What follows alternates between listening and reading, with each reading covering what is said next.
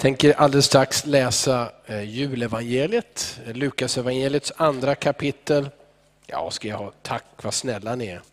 Ja, om ni ger mig ett bord så är det bäst jag håller mig vid det då. Mm. Oj, tack så mycket.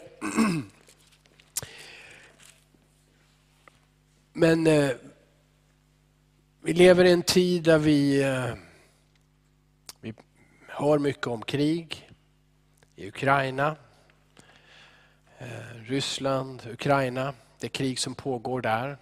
Människor som flyr och dör. Vi snappar inte upp så mycket men kanske vet om att i nu försvann namnet här, eh, Afrikas horn under Jemen, landet Jemen, inbördeskrig sedan så många år. Så många år. Så mycket människor som flyr. Så mycket människor som gömmer sig. Så många barn som svälter. Ehm. Nu har vi julen här hemma. Jag hoppas att du är klar i ditt beslut att satsa på en vit jul. Det vill säga en jul utan alkohol. Jag läste om en kvinna som sa, jag firar inte jul. På jo, det gör hon, firar jul, men inte på det sättet. För det blir, försätter mig tillbaka till barndomen och all den alkohol som mina föräldrar drack och alla problem som det ledde till. Ehm, du kanske har en villa, en lägenhet, ett lån på bilen. Eh, det är inte så att det här har varit det bästa ekonomiska året, eller hur? Eller hur? Eller det är kanske någon som har ett knep här. Ah, alltså. ja, men det kan ha varit så att Gud ändå har välsignat dig oerhört och du verkligen prisar Gud för. Men den allmänna samhällstanken är väldigt mycket, ah, räcker pengarna till? Och vad händer? Går, de flesta håller nere på värmen och håller nere på lite det och annat för att vi är osäkra. Vi läste från Jesaja förut. Om Det är folk som inte hade haft mycket glädje. Om det är folk som hade vandrat i mörker och du känner igen den där jultexten, Sebulons och Naftalis land. Eh, eh, en plats på jorden som varit bortglömd de här århundraden innan Jesus föddes, det var ständiga krig där. Ständiga. Det var egyptierna i princip, alltså det var ju, över, det var ju främst romarna så att säga, men, men det var olika arméer från Syrien, från, från Egypten, och som, som ständigt möttes här i de här områdena. Det var inget roligt att bo där. Det som är Israel, det var arméer fram och tillbaka. Härskar persiska riket, syriska riket och så vidare. Och det var fattiga platser, det fanns inga stora städer. Sebulons och Naftalis land. På andra sidan Jordan står det, när man läser den texten. Det är det som sen kallas för Galileen, norra Israel. Där den lilla byn, eller lilla staden om vi vågar säga det, Nasaret och andra poppade upp. Det var inte så att det bodde få människor, många bodde utspridda där.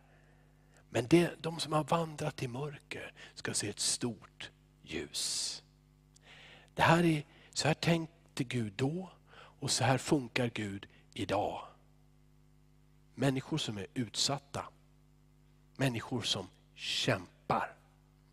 Människor som känner att det är hopplöst. Ja, Gud älskar alla, men han ser dem på ett speciellt sätt.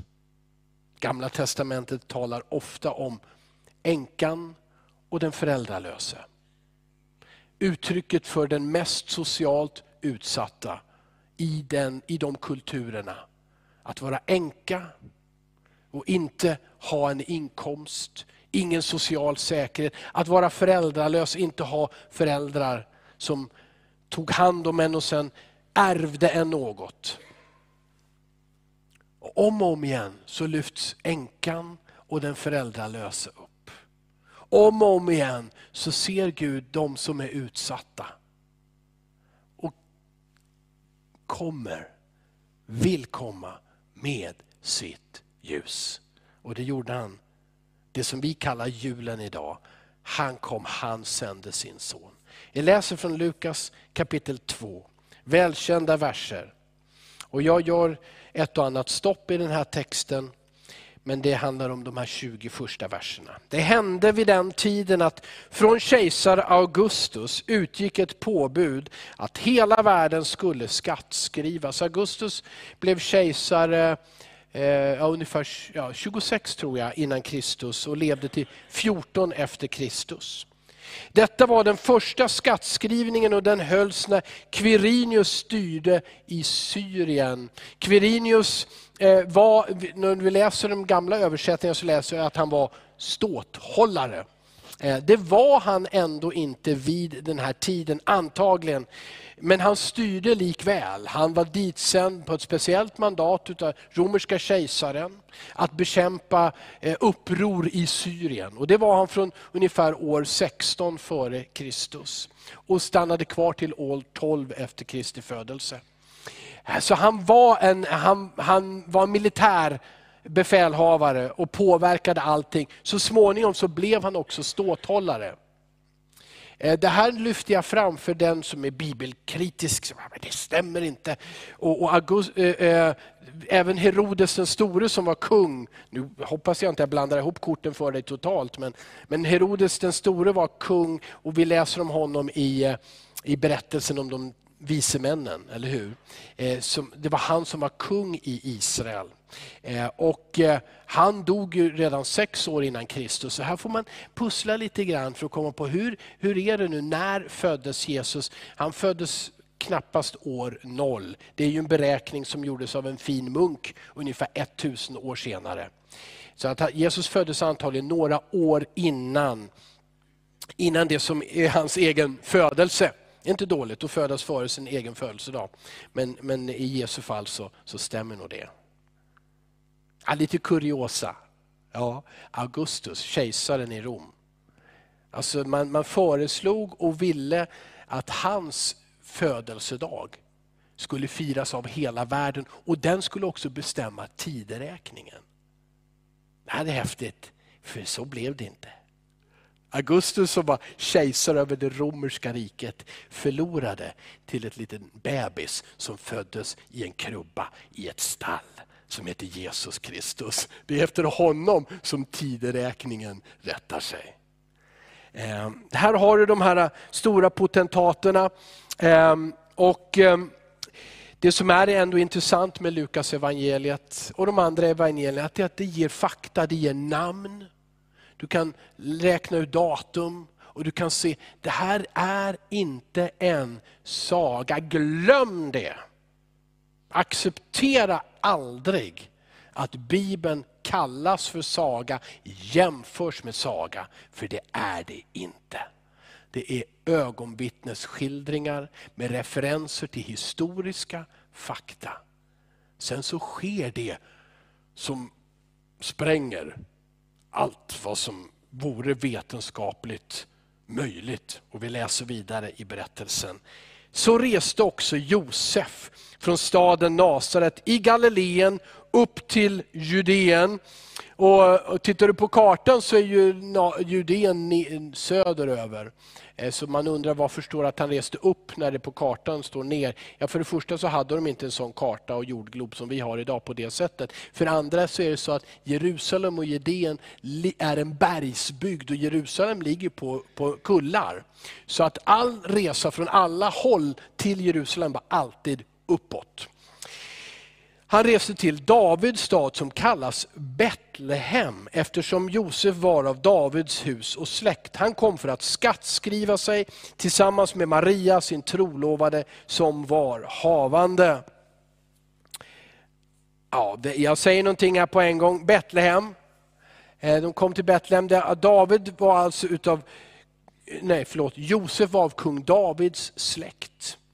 Och Det här sades i gamla testamentet om Messias. Han måste födas ut ur den familjen. Han måste vara barn, barn, barn, barn, barn, barn, barn, barn, barn, barns barn till kung David och kung Salomo. Betlehem, vet du vad det betyder? Ja, några vet vad det betyder. Det är brödets hus. Brödets hus. Tänk att Jesus säger, Johannes 6 och 35, jag är livets bröd. Den som äter mig får liv. Han måste födas i Betlehem. Intressant om man läser så är det så att Josef han var tvungen att åka dit för den här mantalskrivningen och skatteinbetalningen som skedde antagligen var 14 år för alla män och kvinnor över 14 års ålder. Maria måste också betala skatt, men hon var inte tvungen. Utan det som man på den tiden kallade för familjens överhuvud, mannen behövde resa dit och betala för familjen. Maria hon var gravid, hon var hög gravid. Det här var en resa på 13 mil, till fots eller häst, kanske en vagn men antagligen hade de inte en sån. Så hon var inte tvungen att följa med. Varför, tog, varför följde hon med? Varför tog Josef med henne? Det förtäljer inte berättelsen. Men vad vi vet är att Messias skulle födas i Betlehem. Betlehem var inte känd för någonting speciellt. Det var en liten stad utanför Jerusalem. Men det står i Mika bok, och det här är ju när Herodes frågar de vise männen när de senare kommer och frågar, var har kungen fötts här i Jerusalem? Är han i palatset? Och det finns inget nyfött barn i palatset, det finns ingen prins eller kronprins där. Och då hem, låter Herodes, som egentligen inte tror på Gud, kalla till sig de skriftlärda och de säger, Messias måste födas i Betlehem, står det i Mika bok. Så av någon för oss okänd anledning är denna höggravida kvinna, tar denna resa på sig och hamnar, och där föder hon sitt barn. Den ena saken efter den andra faller på plats och gamla testamentets profetier uppfylls den ena efter den andra. För att låta dig och mig, också med vårt förstånd, ta in. Det här är inte vilken bebis som helst. Det här är inte vilken födsel som helst. Bibeln hävdar, här föds hela världens frälsare. Här kommer glädjen till de som har levt i mörker, i sorg, i utsatthet. Vi läser vidare från vers 6. Medan de befann sig där, alltså i Betlehem, var tiden inne för henne att föda. Och hon födde sin son, den förstfödde. Hon lindade honom och la honom i en krubba eftersom det inte fanns plats för dem i gästrummet. En krubba, ja, alltså det som, som djuren brukade äta ur. Det står här i den här översättningen, det fanns inte plats i gästrummet. Vi har ju alltid hört, det fanns inte plats i härberget. Och Det är den traditionella eh, översättningen eller tolkningen. Ni har sett många julspel, eller hur? Härberget, hotellägaren står där, nej det finns ingen plats för er här, det är fullt i härberget. Och så kan det mycket väl ha varit. Men den vanligare översättningen utav det här är ett gästrum, ett vanligt gästrum i ett vanligt hus. Man kan mycket väl tänka sig att både David och möjligtvis också Maria egentligen kom ifrån Betlehem eftersom det var dit de återvände för att betala sin skatt. Det kan mycket väl ha varit så att de till och med tog in hos släktingar.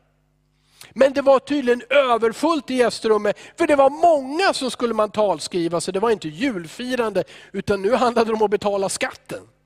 Så det var uppenbarligen fullt, det fanns inte plats. Och i de flesta hus, och det än idag från utgrävningar vet man, under de husen så fanns det ofta liksom en, som en grotta eller källare. Och där hade man djuren, där hade man redskapen.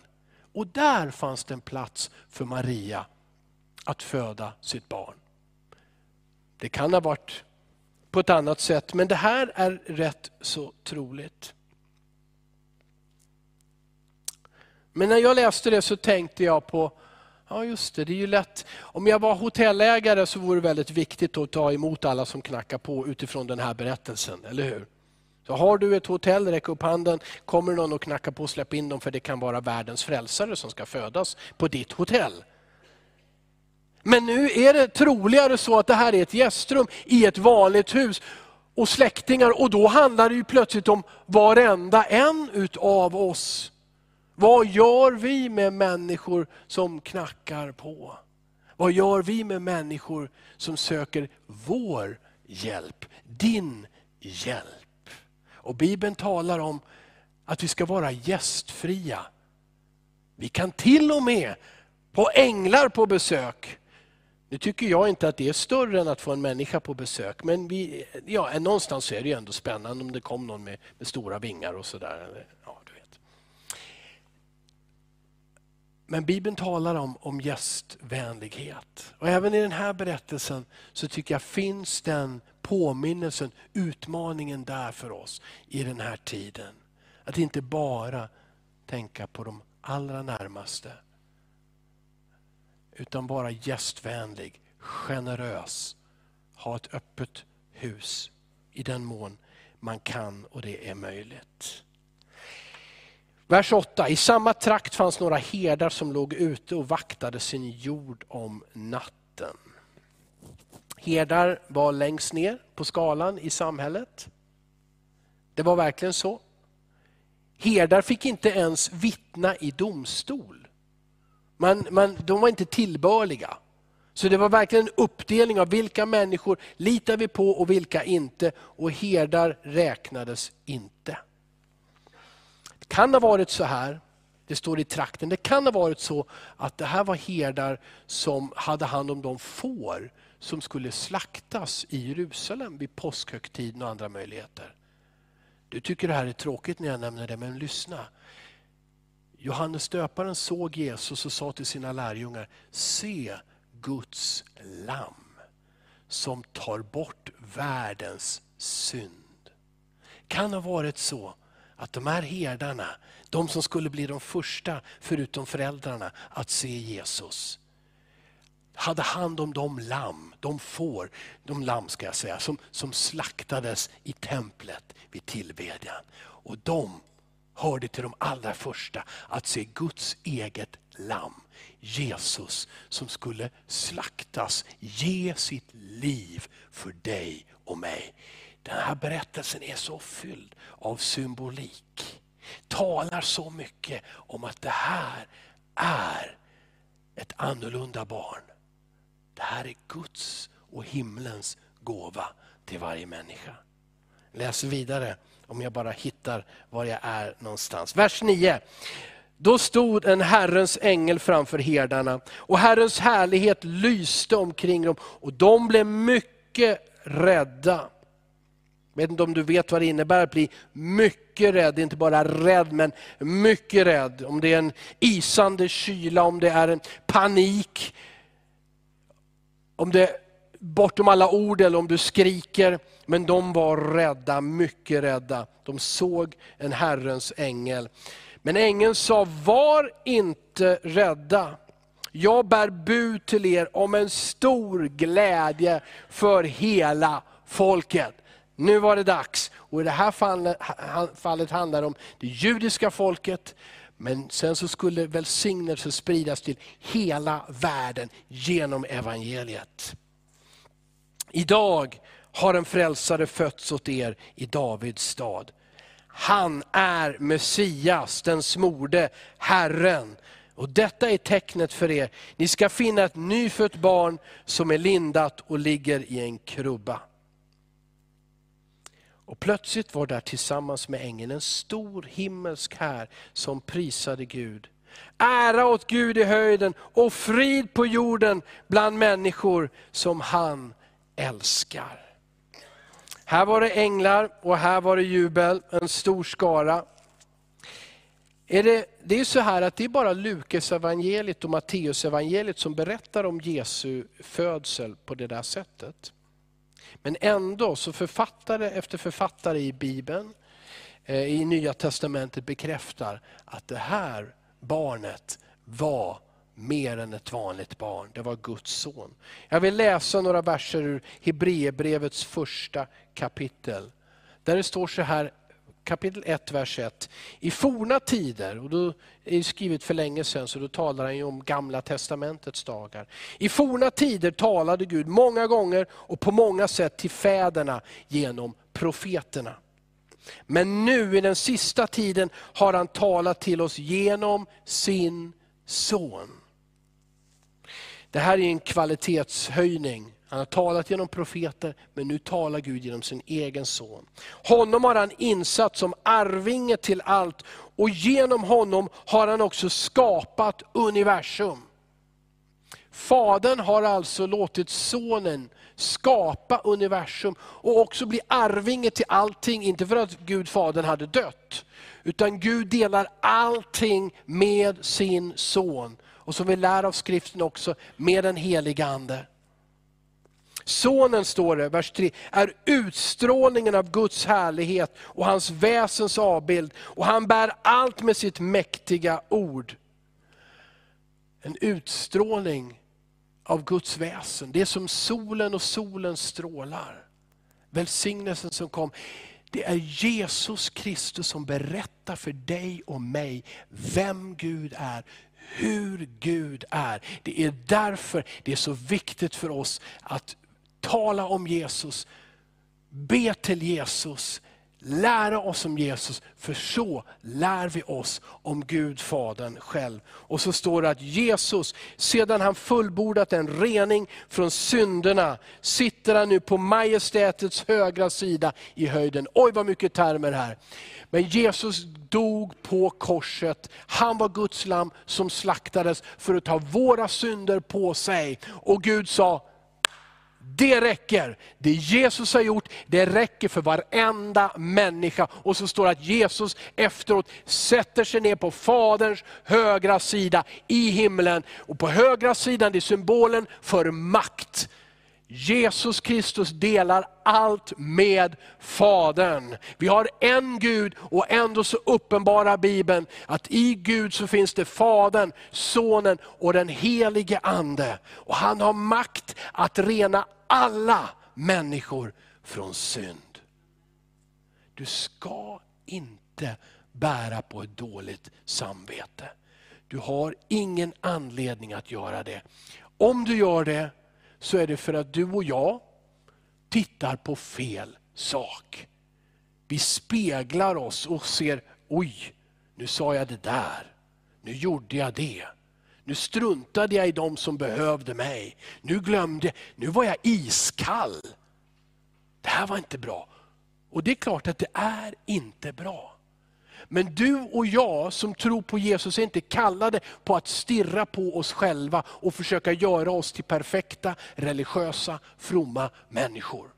Utan du är kallad på att se på Jesus och vad han har gjort för dig. Och han som föddes i ett stall och gav sitt liv på ett kors. Han har gjort allt som du behöver för att vara glad inför Gud. Och frimodig att be och tacka honom, att prisa honom, att leva livet tillsammans med honom. För han har förlåtit oss våra synder. Amen. Vi ska avsluta den här texten i Lukas, och jag går tillbaka till den.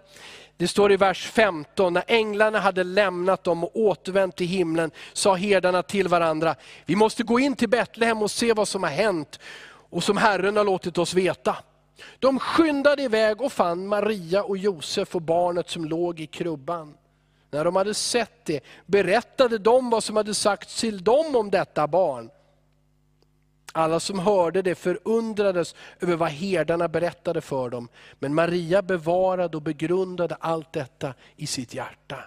Ja, det är klart, det som de andra människorna hörde som var där, wow vilka upplevelser de hade ute på fältet, herdarna. Men Maria, som hade haft besök av ängeln, för henne var det här bekräftelse på bekräftelse. Den här unga tjejen som fick besök av en ängel som sa till henne, Guds heliga ande ska komma över dig och du ska bli havande. Hon skulle bli gravid på ett sätt som ingen annan människa någonsin före eller efter har blivit det. Gud vår skapare skapade i Maria genom den heliga Ande ett barn. Förstår att den unga tjejen måste ha tänkt ofta, hur knäpp är jag? Om hon inte gjorde det, om hon ändå hade frid, för hon hade sett en ängel, hur många människor runt omkring sa inte det, vad är det med dig? Och Josef, som fick höra om att hans trolovade var gravid. Med vem då? Vad har du varit? Tills han drömde och såg samma ängel i drömmen och som sa, det här är genom den heliga Ande. Och då stod Josef upp och sa, ja, men nu är allting klart. Nu har jag drömt om det, då måste det vara sant. Eller hur? Hur många av er tror på era drömmar? När de är speciella, då testar ni alla, vad åt jag igår kväll? Eller hur? Så även där, men ändå, ändå. Så, så vi måste tillåta för en övertygelse och tvivel och undran. Men, men Josef säger, Nej, men jag håller med. Du Maria, jag tar hand om dig. Vi, vi, det här barnet ska födas. Du säger att det är från den helige Ande och det sa ju ängeln till mig när jag drömde, så vi kör på det. Men ifrågasättandet och kritiken kan ändå ha varit där. Men så hör de hur herdarna berättar om ängeln och änglarna.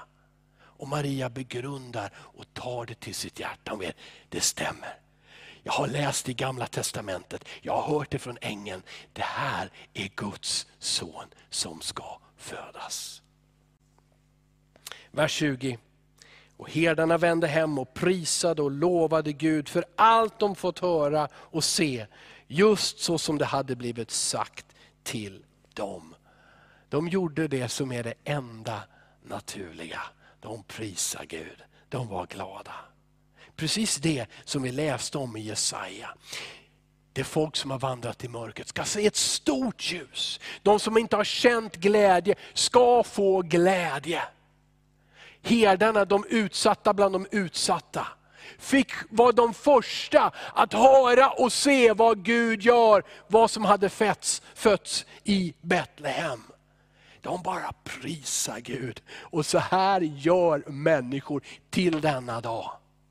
Som möter Jesus, som tar emot och säger, jag vill tro på dig. Hjälp mig att tro får sina liv förvandlade. Jo då, herdarna återvände till samma får som tidigare, så är det ju. Det står att de återvände.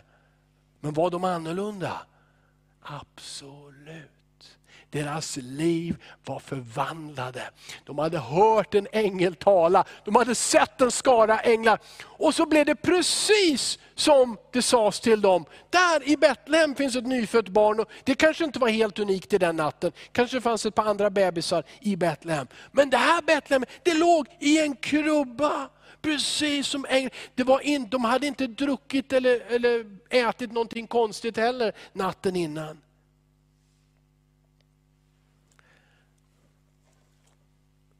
Både julen och våra liv, låt dem få präglas av den glädjen.